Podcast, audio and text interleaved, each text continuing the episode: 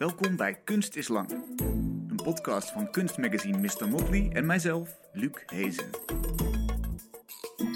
Dag, leuk dat je luistert. Vandaag praat ik met Bart Luneburg.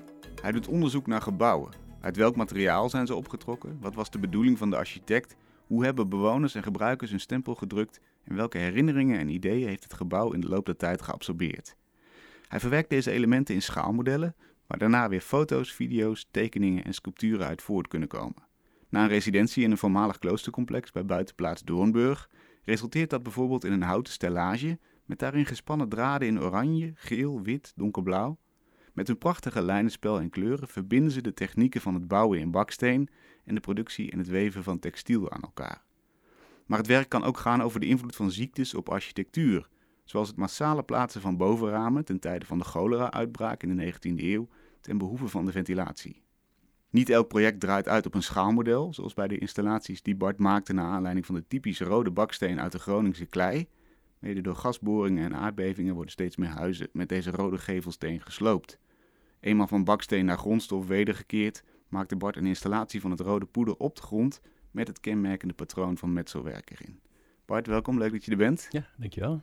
Op je website lees ik dat een gebouw ideeën en ideologieën kan absorberen, angsten en verlangens en herinneringen. Hoe werkt dat? Ja, ja, nee, dat is eigenlijk iets wat uh, eigenlijk altijd wel heel erg centraal staat in mijn werk. Of een soort centrale nou ja, onderlegger die in heel veel uh, projecten uh, doorschemert. Soms wat explicieter, soms wat, misschien wat poëtischer. Mm. Um, maar wat ik heel erg interessant vind, is eigenlijk de, de spanning tussen, nou ja, wat kan een architect verzinnen? Zeg maar, wat, wat probeert een architect aan de hand van een gebouw, um, nou ja, soms te forceren op de wereld. Of, mm -hmm. Vanaf de tekentafel uh, bedacht? Ja, vanaf ja. echt soort top-down. Dus ik vind het heel erg interessant van wat zit er...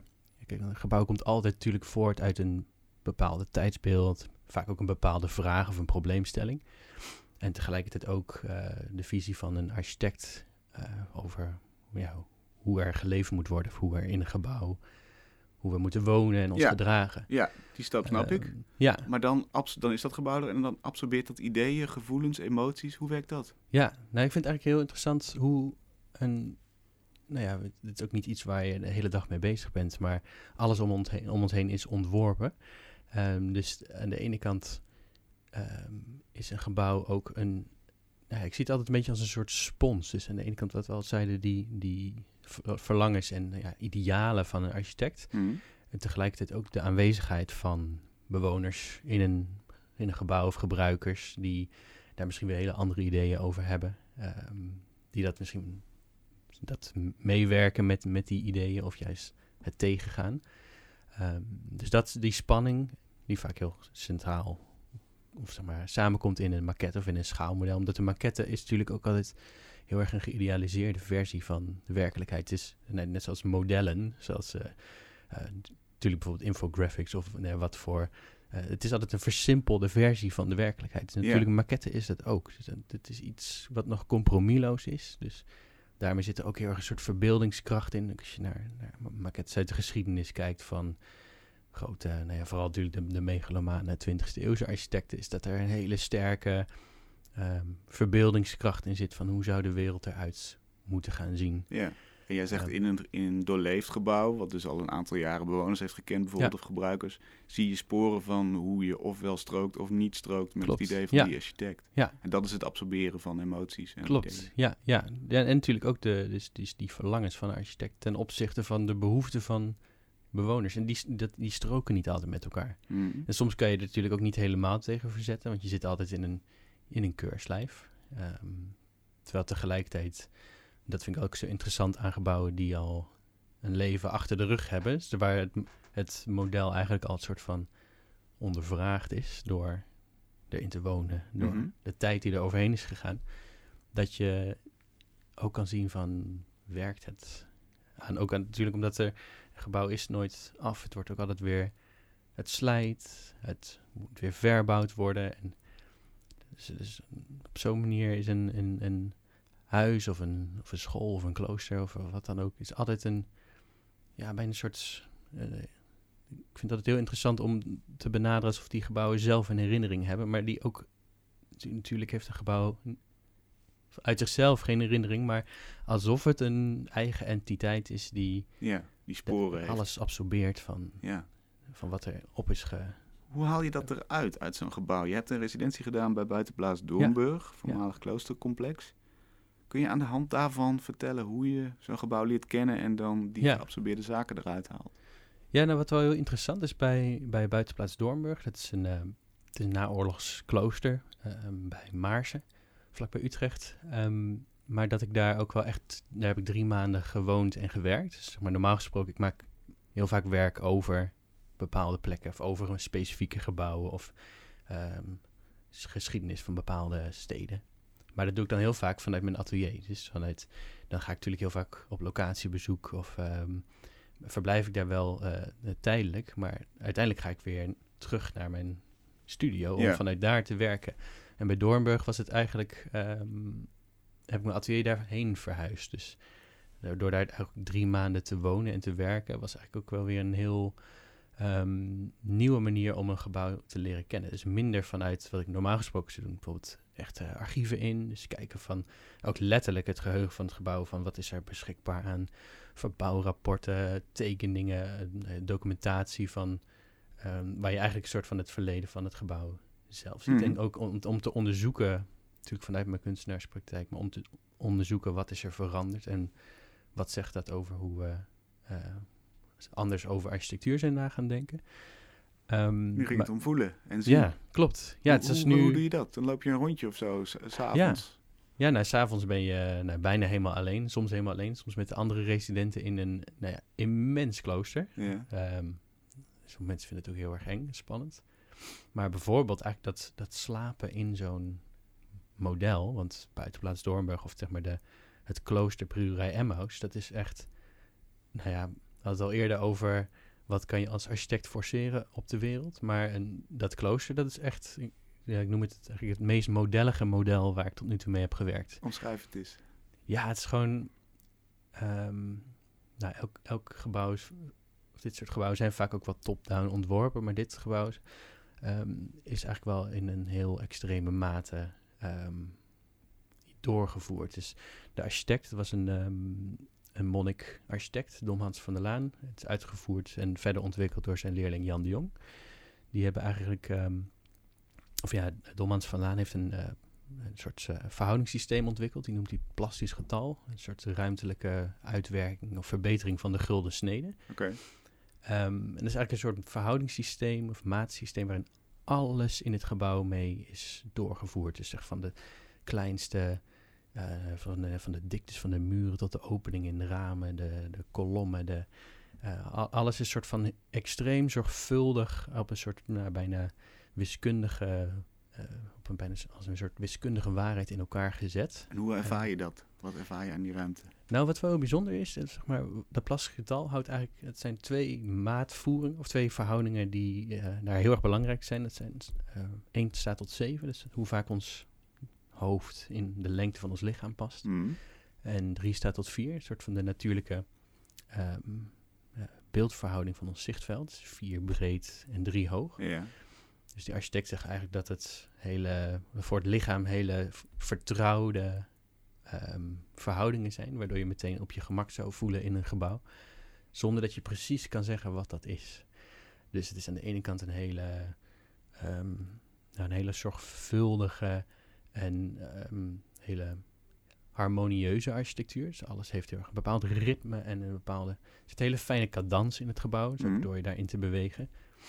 Tegelijkertijd zie je ook wel dat alles wat buiten dat matenstelsel valt, dat is gewoon, dat, daar is geen plaats voor. Soort van, er is geen, alles is van beton en van cement en baksteen. ehm, en er was bijvoorbeeld eigenlijk nauwelijks textiel aanwezig. Zeg maar de, de zusterorde die woonde in het klooster tot vier jaar geleden, die mochten eigenlijk nauwelijks... ehm, nou ja, ze moesten heel lang zeuren voordat ze bijvoorbeeld kussentjes op de stoelen mochten van de architect. Omdat Ah, ja. dat niet strookte met de, met de nou ja, eigenlijk sculpturale visie van wat de architect dacht dat dat gebouw zou moeten zijn. En ook hoe daar geleefd moet worden in, in natuurlijk, een kloosterorde is, hoort natuurlijk ook ontzettend ehm, bij dat daar een soort apparaat van leefregels aan hangt. Mm.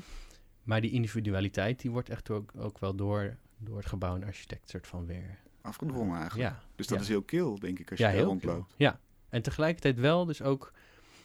Dat, dat is ook... Dat, dat is- voor mij was dat ook een hele interessante en moeilijke balans tussen iets... Want ik werd wel erg soort van verwelkomd door het gebouw. Want er zit, het is wel een gebouw... Het heeft heel veel elementen om heel kil te zijn, maar omdat ook bijvoorbeeld heel zorgvuldig over asymmetrie in aangebracht. Dus je hebt altijd het gevoel dat je omringd wordt door het gebouw. Het is echt een soort hut die je beschermt van de Mhm. buitenwereld.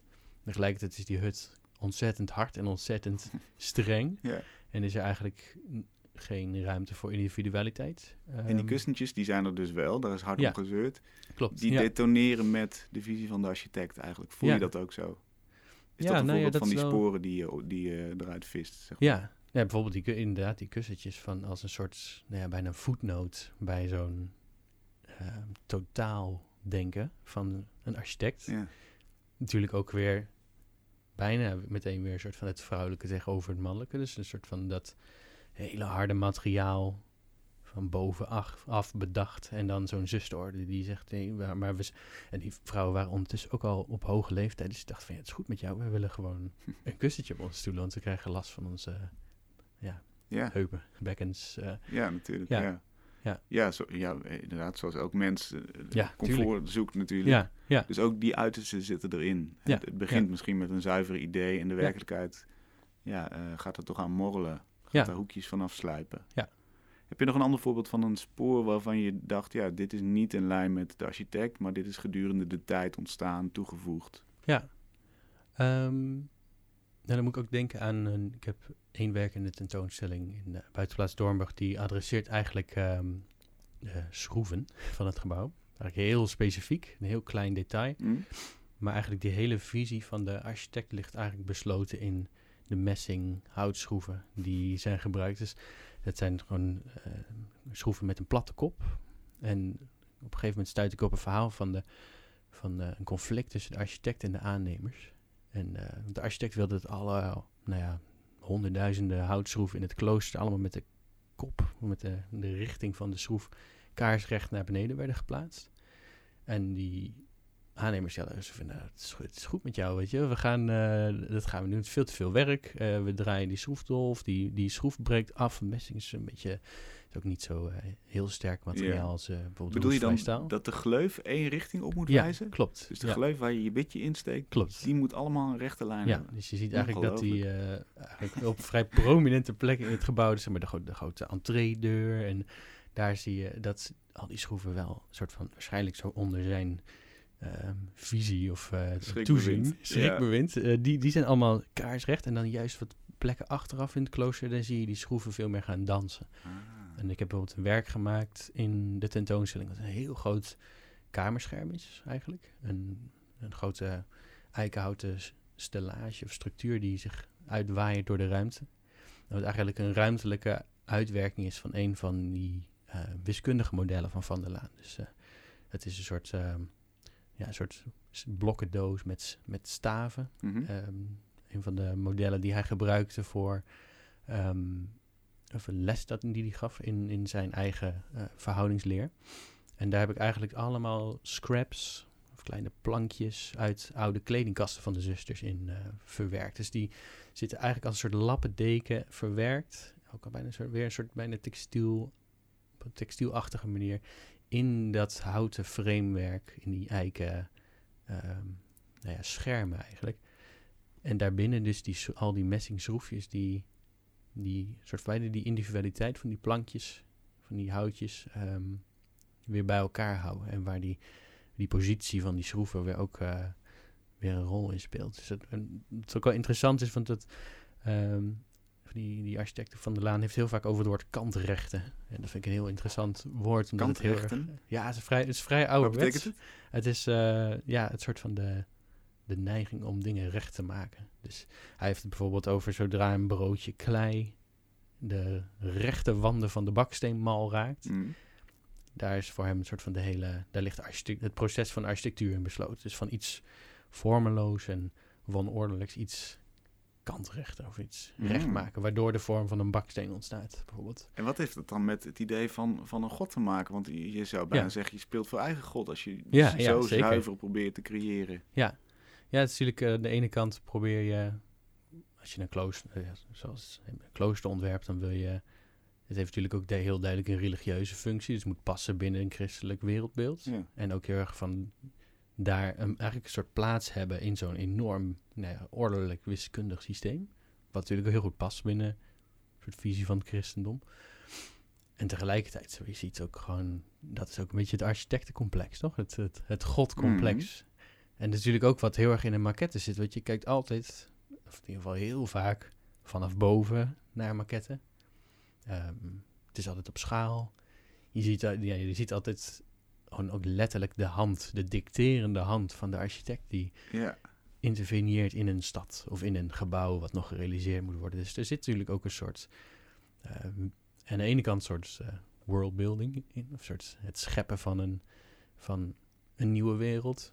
Ehm, en tegelijkertijd is het ook spelen voor, voor een scheppende, ja, scheppende zeker. god. Voor god. Ja, Ja, zeker. ja. Met die, die, kleine wereld die onder jouw handen ontstaat, inderdaad. ja. waar je van bovenaf eh, Ja. macht over hebt. Is dat, voelt het ook zo als kunstenaar zijnde? Heb je, ben je je bewust van dat, eh, want je werkt veel met schaalmodellen, ben je Ja, je bewust klopt. van dat Ja. je ook een beetje voor God speelt, of voelt het niet zo? Ja.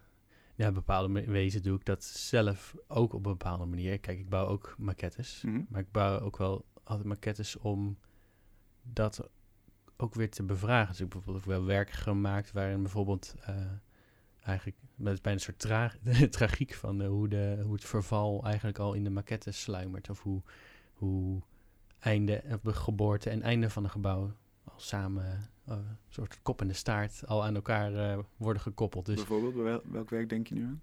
Ehm, ja, even denken dat. Nou, ik heb bijvoorbeeld wel werken gemaakt dat bijvoorbeeld de maquette iets uit een vergankelijk materiaal is gemaakt, zoals gips. Of eh, ehm, ik heb heel vaak proberen een werk te maken waarin de plattegrond van een eh, gebouw wordt uitgegumd. Ehm, maar dat, ja, dus dat vind ik ook wel weer interessant, omdat maquettes worden altijd heel erg gebruikt om vooruit te kijken. Mhm. Dus be- vaak ook heel erg bedoeld om iets te verkopen. Nog een soort een, een, een koper of een opdrachtgever te overtuigen. Ik vind het ook altijd heel interessant om juist maquettes te gebruiken om een soort van terug te kijken. Mhm. Zo van wat. Ook wel heel erg als een manier om, waar we het ook eerder over hadden, over het, het impliceren van een herinnering van een gebouw. Om een soort van daar een vorm aan te geven. Dat ehm maquettes ook iets uit het verleden terug kunnen halen. Dus eigenlijk zijn ze een beetje een soort van veerboot. Of een soort pendelaars tussen heden en verleden. Ehm, het is natuurlijk heel erg iets om... ehm, het heeft iets...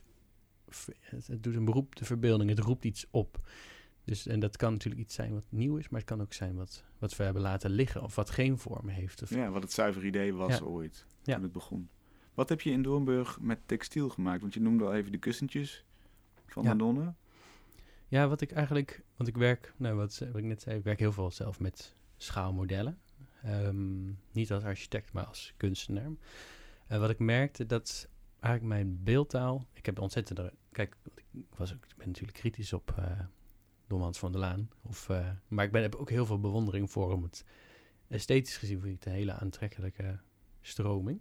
Ehm, en ik werk, mijn beeldtaal is ook altijd wel vrij grafisch en minimaal en heel erg tot de essentie teruggebracht.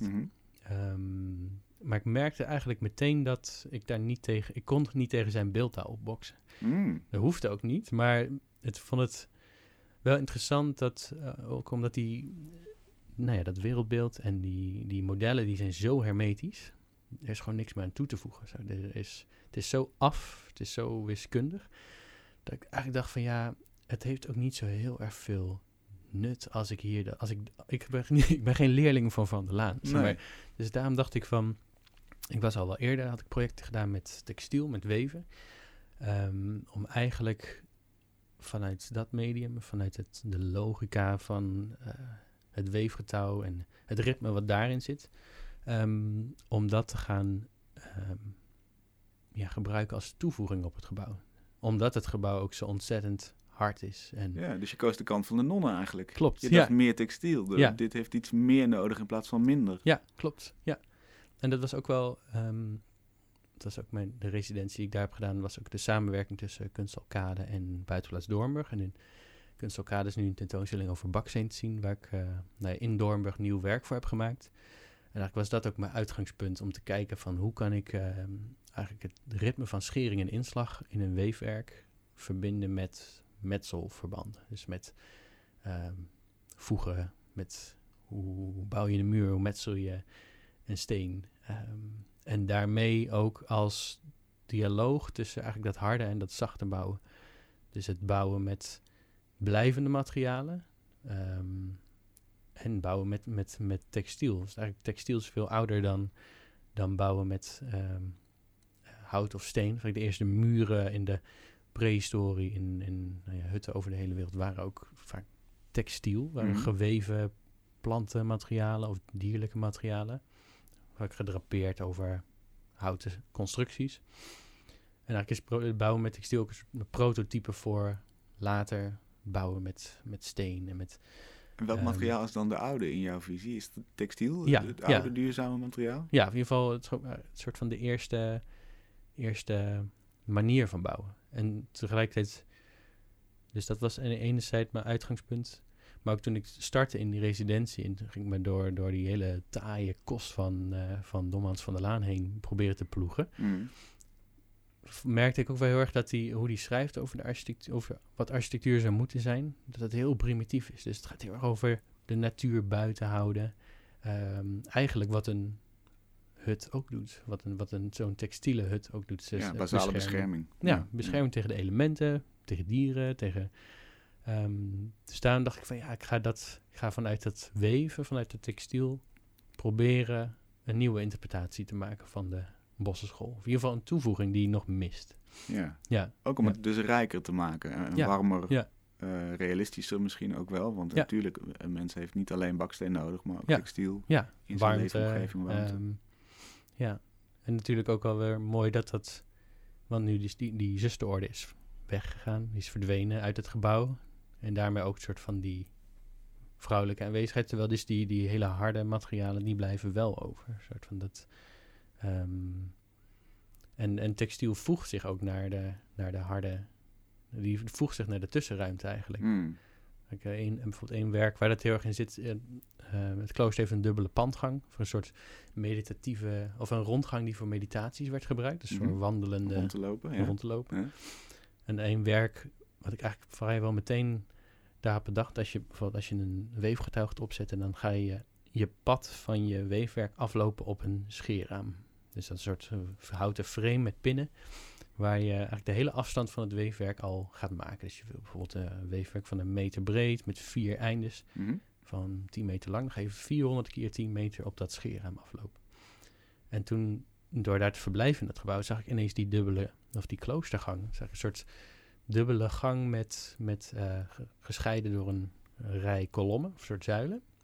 Toen dacht ik, ja, maar de architectuur zelf is ook, eh, ook zo'n scheerraam. En, ehm, Maar dan voor gedachten, gebeden. ja, ja. En dan dacht ik toen vanuit, vanuit dat van idee van eh, dat wandelen door dat gebouw en ontzettend veel afstand die je dan aflegt binnen zo'n wiskundige waarheid, dacht ik van ja, die zo'n pad afleggen is ook eigenlijk een vorm van weven. Dus, dus de lopen door die gangen ehm, werd eigenlijk een weefwerk. Dus we, Hoe moeten we jouw werk het beste ervaren? Dit is best wel een, een mooi verhaal, maar ook Ja. een lang verhaal, wat je helemaal Ja. niet kunt presenteren bij Ja. al die werken. ja, Hoe moeten we jouw werk het beste begrijpen? dat is een heel goede vraag. Misschien nou, ook is niet jouw verantwoordelijkheid, weet ik niet. Maar hoe denk je erover na? Nou, kijk, ik heb natuurlijk heel veel. Ik heb zelf heel veel ideeën en anekdotes en verhalen over waarom een werk tot stand is gekomen. Maar Mm. uiteindelijk is het ook gewoon het werk, vaak wel op een bepaalde plek. Ik werk heel veel site-specific, dus het wordt ook wel vaak ervaren in samenspraak met een specifiek gebouw. Dus nou ja, vaak eigenlijk wel minder white cubes en meer gebouwen die niet altijd een tentoonstellingsplek zijn geweest. Dus oude scholen, kloosters, eh, kerken of eh, eh, ja, 19e-eeuwse industrie, eh, noem, maar, noem maar op. En die omgeving moeten we allemaal opzuigen om, Ja. om dat werk beter te kunnen Ja, plaatsen. het is wel, het is eigenlijk ja, ook, wel, ook wel een vorm van artistiek onderzoek. Kijk, ik doe heel veel onderzoek naar architectuurgeschiedenis, maar ik ben geen architectuurhistoricus. of Ik ben geen, ehm, ja, überhaupt historicus. Ik ben een kunstenaar die daar in zand duint en Ja. dingen uit opdelft en dingen die, die, waarvan ik denk, oh, dit, die zijn betekenisvol of, of poëtisch, daar een vorm aan geeft. Maar uiteindelijk is het ook gewoon een, een werk waarvan je misschien hopelijk als, als, als kijker wel ervaart van, oh ja, er zit iets van die geschiedenis in, maar het, uiteindelijk wordt het ook een autonoom werk. Hmm. Want dat is natuurlijk ook belangrijk dat een werk, ehm, ondanks waar, het- los van alles waar het uit is voortgekomen, en dat vind ik soms ook wel lastiger dan, eh, soms, soms heeft eh, mijn werk ook heel erg wel het gebouw nodig waar het tentoon is gesteld. Ja, die laatste stap naar een autonoom kunstwerk Ja. is misschien ingewikkeld. Ja, Als je zo leunt op de geschiedenis. Klopt, ja. Terwijl andere werken die kunnen heel goed door daarna naar andere gebouwen. Of die blijven, blijven genoeg eh, overeind of genoeg, hebben genoeg ook zelf zeg, of, zeggingskracht om dat gebouw niet nodig te hebben. Ja. Ehm, maar het is vaak wel ook een manier om aan de hand van beeldende kunst of autonome werken eh, gebouwen opnieuw te interpreteren. Of daar een andere, ja, of dingen uit te vergroten of dingen terug te halen of dingen te bevragen of becommentariëren. Jij onderzocht ook de invloed van epidemische ziektes op architectuur. Ja, Healing ja. buildings. Klopt, ja, het beginpunt was eigenlijk een tentoonstelling die ik in 2020 had bij Fotodoc in Casco Art Institute in Utrecht. Die tentoonstelling ging zoals heel veel tentoonstellingen dicht in de eerste, eerste lockdown. Dus dat was Ja. echt eh, een paar dagen voor de lockdown ging die open. En ik had daar toen een werk gemaakt wat ging over de vensters van het gebouw, over de nou ja, ramen van het 19e eeuwse schoolgebouw. Die heel erg uit een tijd komen waarin cholera uitbraken de, nou, de orde van de dag waren in eh, de vieze industriële binnensteden. Hmm. En ik merkte toen eigenlijk dat er heel veel veranderd was in hoe dat werk voor en na de tentoonstelling werd ehm, eh, ontvangen. Hmm. En eigenlijk, nou, toen kwam, en toen kwam natuurlijk, ja, dat hoef ik allemaal niet meer uit te leggen, dat, is, dat, dat hebben we allemaal nog wel in ons, eh, in ons geheugen. Maar, Wat was het werk? Omschrijf het werk even. Ehm, nou, dat is eigenlijk nog meer een soort van, eigenlijk een soort constatering van hey, een soort aandacht vestigen op die vensters. Ehm, ja, door, door gewoon überhaupt. Het was meer nog een tentoonstelling waar ik meer wijsde. Een soort van, kijk, dit, dit is interessant en dit is, dit is veranderd in dit gebouw, dit is verloren gegaan, dit is erbij aan toegevoegd. Maar eigenlijk die werken, wat dan meer een soort van, waar, ik gewoon die vensters zelf het, het hoofd, de hoofdrol liet spelen ehm, werd eigenlijk een aanleiding voor onderzoek naar die relatie tussen eh, gebouwen en epidemieën. Eigenlijk en voor, voor, voor een serie, ehm The Healer, die ik nu aan het uitwerken ben, waar ik eigenlijk heel erg op zoek ben, ook meer op een, en, dat is een serie die ook niet per se altijd het gebouw nodig heeft waar het tentoongesteld wordt, maar eigenlijk veel meer te laten zien dingen waar we in de middeleeuwen mee worstelden. Dus aandacht voor ventilatie, het, het in quarantaine plaatsen van huishoudens. ehm, ehm, het proberen grip te krijgen op iets, iets totaal onzichtbaars en ongrijpbaars als een ziekte. Ehm, eigenlijk door onderzoek te doen naar, naar een soort middeleeuwse voorbeelden.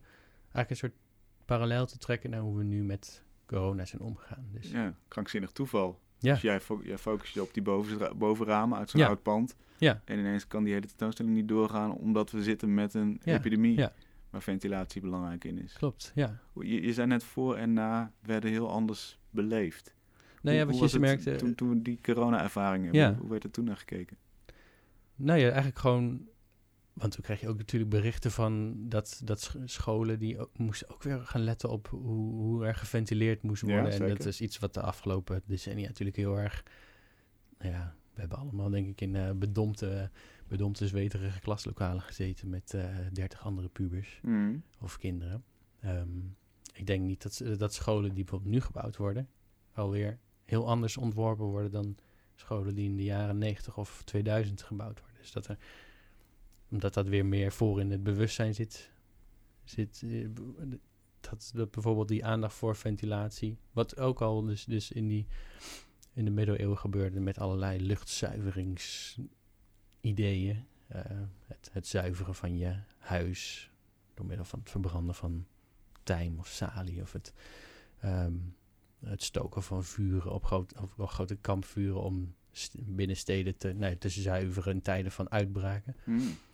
Dat, dat soort dingen liggen eigenlijk gewoon nog steeds in elkaars verlengde. Een soort, en, en, wat ook, en dat, wat dan ook het verschil is, dat je dan ziet dat...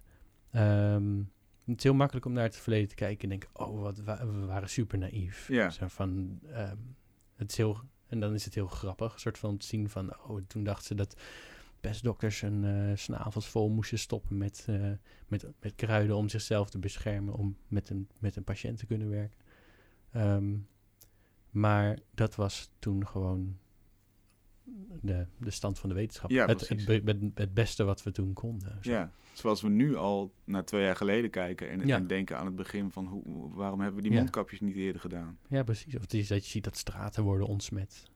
Dat je denkt, ja, natuurlijk niet. Maar Ja, ehm, was niet je, nodig het is het eerste wat je, wat je, ja, je grijpt gewoon wanhopig naar de middelen die je op dat moment hebt. En waarvan op dat moment denkt dat dat eh, gaat helpen. En dat Ja. is bijvoorbeeld wat ik in die serie, eh, voornamelijk foto's en sculpturen, eigenlijk op een hele open, abstracte manier wil laten zien. Dus je ziet bijvoorbeeld, ehm, nee, die serie, de healer, die heeft, dat zijn eigenlijk een soort gefotografeerde, ehm, ook weer maquettes of modellen, maar ze hou- houden een beetje het midden tussen een, een architectonisch lichaam of een, een, een constructie of een bouwwerk en een, en een orgaan. Dus bijna een soort, die gebouwen die ademen zelf of die zijn zelf ziek of die hebben, of daar wordt bijvoorbeeld, eh, soms zijn ze het heel abstract en ongrijpbaar en grafisch en, ook wel donker. En op andere momenten zie je bijvoorbeeld weer een, zie je een takje tijm of een, eh, een laurierblad wat vlam vat en waardoor de rook van de ene cel naar de ander ontsnapt. Ehm, of een, een cellen die bijna in quarantaine zijn geplaatst, die zijn verkoold of ver- verbrand. Een soort nou kleine brandhaard binnen de structuur van een groter eh, grid. Ehm, ja, het is ook wel misschien wel een manier voor, om, voor mezelf ook om een soort van empathie te kweken voor, voor onze voorgangers, voor ja, het, het, het leven in, in steden en dealen met ziekte. En ehm, ja, dat, dat, dat zijn gewoon hele universele. Dus ga ik zo oud als de mens samen wonen en ziek zijn. Ja, En dat is natuurlijk ook heel interessant, want, want als je bijvoorbeeld naar de architectuurgeschiedenis kijkt, dat is vaak een hele formele opvolging van, nou, dat is natuurlijk net zo met de kunstgeschiedenis, dat zijn een soort formele opvolging van stijlen. Maar en natuurlijk spelen, spelen daar maatschappelijke processen een rol in, maar ziekte is altijd een hele grote bron of motor geweest voor innovaties in architectuur. In, ehm, dat als je het, de geschiedenis van architectuur bekijkt vanuit de geschiedenis van ziekte, dan is dat toch ineens heel interessant. Want dat zijn dan ineens. ehm, zoals de bovenramen bijvoorbeeld. Eh, Ja. Heb je nog een ander voorbeeld? nou, kijk, als je naar modernistische architectuur kijkt, naar nou ja, de grote ehm, stadsvernieuwingsprojecten aan het begin van de 20e eeuw, dan kan je natuurlijk afvragen van, kan je dat, kan je die eh, steden of die gebouwen, wat die we kennen als heel soort hang naar licht en transparantie en eh, het open werk van het gebouw, kan je dat loszien van tuberculose bijvoorbeeld? Ehm, als, als in die tijd tuberculose uitbraken en mensen die naar sanatoria worden gestuurd buiten de stad, dat soort van nou ja, de orde van de dag is. Hmm. Waarom zouden gebouwen dat niet, daar niet een soort ge- afspiegeling van zijn? Ja, Dus die bijna obsessieve hang naar hygiëne, ehm, die, ja, die, die, die komt dan eigenlijk voort uit, uit, uit ziek zijn ja, uit, uit, een, uit een ziek lichaam. En, en architecten zijn, heel veel grote architecten uit de 20e eeuw, die zijn zelf ook, eh, hebben tijd in sanatoria gewoond of zijn eh, zelf ziek Mm, geweest of ja. lijden aan nervositeit. Of, eh, ehm, en dat is natuurlijk ook wel weer interessant van waar dan het persoonlijk leven en ook, wat ik ook bij eerder over hebben gehad, die angsten van de architect. Ehm, of obsessies of eh, de nervositeit, dat dat ook weer op de achtergrond weer invloed heeft op hoe wij leven in die gebouwen. ja, Ja. natuurlijk. Ja, dus Ja. eigenlijk, we moeten gebouwen misschien ook zien als geesteskinderen van de architect. Letterlijker dan, dan wat we nu doen. Ja, Want een architect zal niet zeggen, ik doe dit omdat ik die ervaring heb uit een, uit een eh, ziekenhuis waar ik lag. Of over ja, een ja speciale klopt. Ja, plek. ja. maar kan je dat loszien dan van, van Ja. het gebouw? Dat is, wel, dat is wel interessant en dat is iets eh, waar ik ook nog wel weer meer eh, onderzoek naar waar wil je verder mee gaat. Ja. Verwacht je dan dat door corona gebouwen ook anders in elkaar gaan zitten in de toekomst? Ja, dat vind ik een hele goede en lastige vraag. Ik zou eigenlijk zeggen eh, natuurlijk. Maar het is het is wel heel lastig om te zien waar, je, waar we nu dan? in Ja, zitten. Of zo. ja. Dus dat, maar als je al kijkt, dat denk ik, eerder zeggen als scholen, worden waarschijnlijk niet meer precies gebouwd zoals voor corona. Dat denk ik. Ja. Van, maar ehm, ja, ik ben altijd ook wel heel veel bezig met architectuurgeschiedenis. Dus m, ehm, omdat ik het wel heel interessant vind als een gebouw soort van dat hele leven al heeft gehad. Daar, daar, daar voelt voor mij meer ruimte in dan te kijken naar de gebouwen die nu worden gebouwd. Maar het zijn wel hele interessante vragen van hoe... hoe eh, ehm, maar ja, vooruitkijken is dat vind ik dan lastiger dan, eh, Ja, ja, dan eh, Ja. terugkijken. Ja. Nou ja, ook omdat er nog veel meer andere factoren natuurlijk meespelen. Dus hoe, hoe efficiënt is iets qua kosten? Ja. We zitten nu in de, dat stond onlangs nog in de krant, eh, dat, er, dat er gebouwd wordt op plekken waar eigenlijk het geluid veel te hard is. Maar Ja. er is zoveel woningnood dat, dat er ergens regels gebroken moeten worden om in de buurt te komen van wat we nodig hebben. ja, zeker, zeker. Ja. Dus al dat soort dingen spelen natuurlijk ook mee. Ja. Interessant om, om iemand een nieuw gebouw aan te bieden en te zeggen... We, eh, we weten dat de overlast te groot Mhm. is. Ja. Eh, er, er zijn dan regels voor bedacht volgens mij dat je niet op de bovenste verdieping mag slapen... want dan komt er te veel geluid tot je. Oh ja, ja. ja. dat de ramen niet open kunnen, Ja. omdat het anders geluidsoverlast zou eh, opleveren. Krankzinnig eigenlijk dat er niet een handleiding bij een gebouw zit van... sorry, deze Ja. en deze overwegingen Ja, ja, ja. hebben we meegenomen. Een soort disclaimer. Ja, Je kunt en dat blijft dan allemaal Ja, onzichtbaar. de architect Ja. was ziek, dus eh Ja, ja, ja, ja. ja. heeft de herinnering van een, Ja. van een ziekenhuis. Ja. Nog zo'n actueel onderwerp eigenlijk waar je mee bezig bent. De gasboringen en aardbevingen in Groningen. Althans de typisch rode baksteen die uit Mhm. de Groningse klei komt. Heel veel aan het scheuren daar in Groningen. Natuurlijk door die, eh, door die bevingen.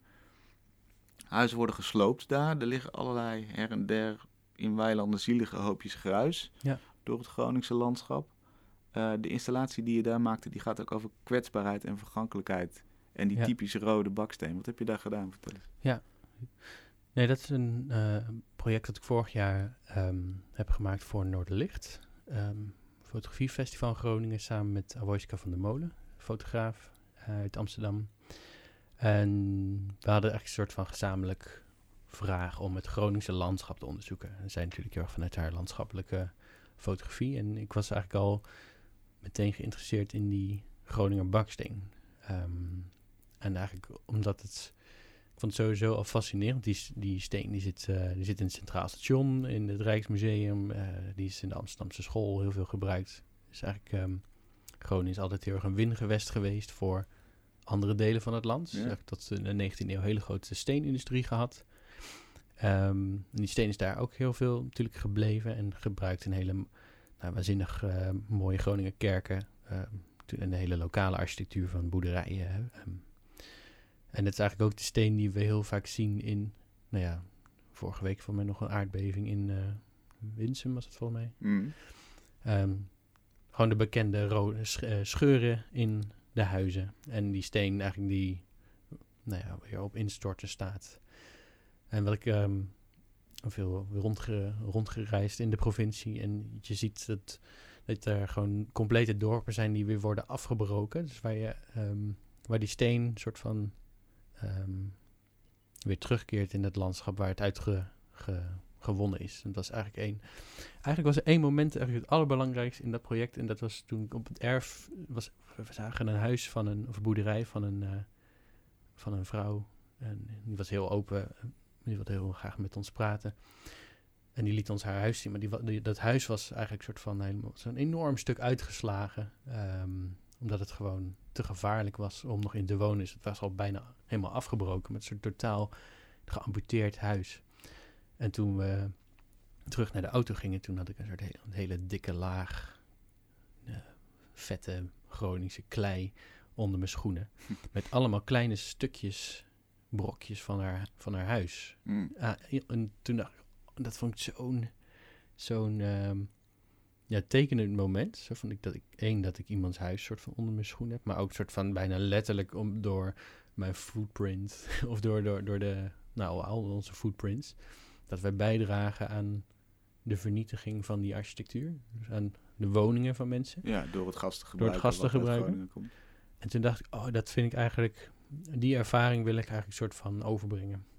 Ehm, dus wat ik heb gedaan is, ik heb ehm veel Groninger baksteen verzameld ehm, en vergruist. Dus eh, antieke, antieke stenen die ook al een leven hebben gehad. Dus die, die ook in gebouwen hebben gezeten. Je hebt van die, eh, van die bouwmaterialenhandels die een soort kerkhof zijn van allerlei, allerlei woningen. Vaak gesloopt door, door, door de aard- aardbeving en waar nog een soort gezocht wordt naar een tweede leven voor dat materiaal. Hmm.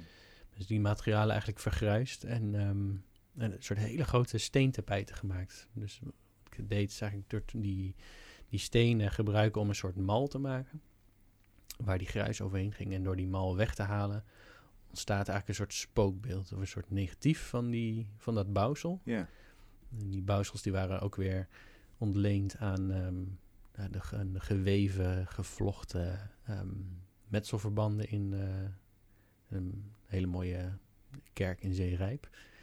Ehm, maar dat je eigenlijk ziet, dus die, patronen die vaak in de gewelven van kerken zitten, die lag eigenlijk in die tentoonstelling op de grond. En bezoekers konden daar ook overheen lopen. En je merkt ook een soort ongemak van, ehm, ja, kan, kan je erop lopen? En het, was, en het is ook iets wat, wat heel erg vergaat. Dat eh, natuurlijk ook wel heel, net eh, gehad over die spanning tussen wat, wat blijft en wat vergaat. En eigenlijk toch, steen heeft toch altijd wel heel erg de, de, de suggestie dat het in principe wel, wel blijft. Ja, Ja. zeker. Ja. Maar dat was echt een. Het, het leek misschien nog het meeste op, op van die mandala's die boeddhistische monniken, monniken maken. Die vervagen en, en uitgewist worden nadat ze zijn gemaakt. Dus nou, dat, dat steentapijt, dat verging ook wel in verloop van de tentoonstelling. Ja, dat verwaait natuurlijk en ja. lopen mensen overheen. Ja. Het vervaagt. Ja. Eigenlijk heb je dan in een heel luchtig medium ook hele zware onderwerpen gevat. Ja, Ja. Letterlijk, eh, als je verwijst naar die kerk, eh, stof tot stof wederkeren. Ja, weet je wel? De, de, hele bijbelse zwaarheid zit er eigenlijk in. ja, ik werk altijd. Ja, mijn werk is altijd wel. eh, er zit altijd wel een soort. Nou ja, ik weet niet een sombere laag in, maar wel een. eh, een ehm, ja, wel, eh, wel, wel altijd onderwerpen die heel gaan over vergankelijkheid. En Mhm. over. Want ik zeg ook altijd wel voor het gemak van mijn werk gaat over architectuur. Want dat is makkelijker om het over te hebben. Maar Mm. Ehm, architectuur is ook wel heel erg wat we over hadden. De spons die de tijd opneemt of de vergankelijkheid. Ehm, het gaat wel veel, veel vaker over, dat, over het vergaan van dingen en die spanning tussen wat blijft er en wat vergaat er. Ja. Ehm, en, het, dan, en dan ook dus natuurlijk met dat, met dat harde bouwen, het zachte bouwen, het, het proberen te stollen van een idee in de vorm van een gebouw of in de maquette tegenover misschien een, zo'n, zo'n tapijt wat eigenlijk al aan het oplossen is terwijl je er naar kijkt. En Ehm, kun je dan zelf onder die omstandigheden vrolijk blijven? Want de conclusie is een beetje, alles wat we maken en proberen vergaat uiteindelijk. Een Ja. zuiver idee wordt minder zuiver. Ja, Eh, iets wat, wat steen lijkt en wat in steen gehouden lijkt te Ja. zijn, hè, ook figuurlijk, is helemaal niet zo sterk als het, als het zich voordoet. ja, dat is denk ik ook wel heel gewoon waar de architectuur menselijk wordt. Zo. Ehm, en dat is, misschien is dat dan ook wel een soort van iets wat ik meer, wat ik in mijn werk probeer te laten zien. Zo, dit, dat uiteindelijk alles kwetsbaar is. En, en dat dat ook, ja, dat dat ook iets, iets ja, want het kan natuurlijk iets, iets eh, verdrietigs zijn, maar het kan natuurlijk ook iets heel moois zijn. En als je bijvoorbeeld bekijkt naar bijvoorbeeld andere, naar meer naar eh, bijvoorbeeld Japanse cultuur, waar daar worden dingen mooier of waardevoller als er verval deel is van, van een object. Of, ehm, Ja, we kennen die borden die met een soort gouden lijm aan Ja. elkaar Ja. geheeld worden ja, weer, waardoor ze eigenlijk of- worden. Ja, Ja? Ja. dus eigenlijk eh, ja, het, het, het, het, ver- het, verstrijken van de tijd, maar ook het, ehm, ja, dus, eh, maar ook dus laten zien dat gebouwen leven en levende dingen zijn die met ons meegaan en ook weer, die we ook weer, ne- net zoals mensen ook weer achterlaten. En natuurlijk het vasthouden is natuurlijk ook iets heel krampachtigs of zo. Dus dat, ehm, en daarom vind ik bijvoorbeeld, ik vind ik altijd restauratie heel fascinerend. Ehm, hoe worden gebouwen gerestaureerd en wat zegt dat eigenlijk meer over ons, onze emoties of onze gevoelens Mm. dan over wat het gebouw echt is. Je hebt bijvoorbeeld eh, in de restauratie, heet het, scene of eh, Mhm. stroming heb je bijvoorbeeld het begrip de Amersfoort, Amersfoortse ziekte. En dat is het idee dat, of het fenomeen dat gebouwen middeleeuwser worden gerestaureerd dan ze eigenlijk zijn. Wat Mhm. veel van de 19e eeuw gebeurde. Maar het gaat dan veel meer over hoe kijken we naar het verleden en wat voor verlangens hebben we daar ook bij. Misschien meer dan wat het verleden eigenlijk was. Dus dan ga je ineens proberen een middeleeuwse muur te metselen op een 18e eeuwse wand. Ja. Ja, ja. En Maar- heel Amersfoort is in die stijl opgetrokken of, eh, of wordt nu bekeken in die stijl. Ja, nou ja, Amersfoort heeft heel veel ehm, prachtig middeleeuws erfgoed. Maar die zijn voor een groot deel ook wel middeleeuwser gemaakt dan ze, dan ze zijn. Zo, maar omdat ze gewoon, ze, dat, is dan op een gegeven moment ehm, een beetje vervallen en heel vaak verbouwd. En op een gegeven moment zie je dan dat ze, natuurlijk in de romantiek wi- wi- wilde architecten ook weer allemaal, eh, als die aandacht voor de middeleeuwen weer heel groot gingen we alles weer middeleeuws maken. Maar het is op zo'n manier hoe gebouwen dan wat dat betreft aan emoties en verlangens zijn gekoppeld. Ehm, dat, ehm, ja, Dat is fascinerend. dat is fascinerend, toch? Ja, fascinerend, ja, ja. ja. En dan is architectuur dus een vehikel voor eigenlijk het hele menselijke leven. Ja, klopt. En, en, ja. en, en daarom... Ja. eh, het is een afspiegeling van onszelf. juist. Ja, het is natuurlijk ook gewoon een... Het is een cultuur, zeg maar. Het is een... Maar het is gewoon heel... Ja, het is ook niet iets waar je gewoon dagelijks over nadenkt. Of tenminste, ik denk er dagelijks over na, maar ik denk... Niet veel iedereen. mensen dat niet doen. Ja. Maar meer ehm, dingen zijn er niet vanzelf. En ehm, ja, gebouwen zijn gewoon... Die leven met ons mee. Ja. En kunstwerken ook. En kunstwerk ook. Ja, Daarover ja weer. klopt. Ja, Dankjewel, fijn dat je dat wilde uitleggen. ja dankjewel. Liek. Tot zover Kunst is Lang van deze week. Wij worden mede mogelijk gemaakt door het Prins Bernhard Cultuurfonds, het BNG Cultuurfonds en het KF Heinefonds, waarvoor veel dank. We zijn er volgende week weer. Tot dan.